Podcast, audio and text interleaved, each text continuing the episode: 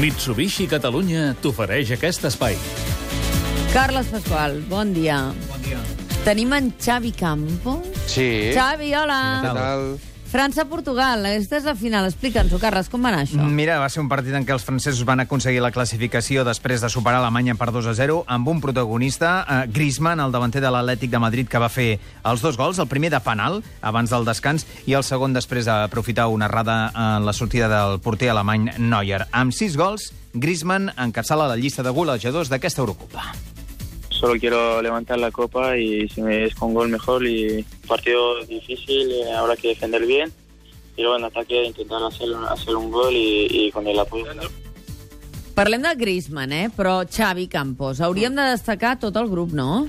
Sí, sí, el que passa que Griezmann, clar, són sis gols, màxim golejador de l'Eurocopa. És, és un jugador amb màgia, no? És petitet, simpàtic, fa gràcia, juga molt bé a futbol i França ha anat creixent durant l'Eurocopa. Ahir va ser un gran partit contra Alemanya. O sigui, el 2 a 0 fins i tot és un resultat que no, no, no dibuixa bé el que va passar al partit, perquè Alemanya va tenir moltes ocasions i li va faltar un pèl de sort o, o, o encert, més que sort, encert de cara a porteria. I, I es va trobar amb un Lloris que va estar espectacular, eh? Sí, sí, sí. Aquelles dues intervencions, aquelles dues... Lloris és un gran porter. Sí. Sí. Fa uns quants anys, no sé si 5, 6 anys, li van oferir al Barça per 5 milions d'euros.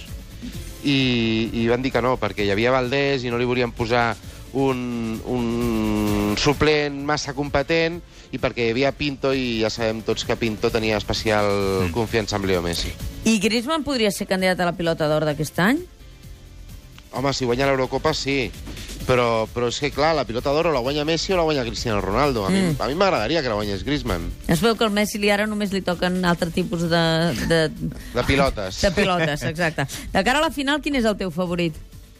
França. França. Sí, França. Portugal ha fet bona Eurocopa, eh? però, però França crec que té més talent que Portugal.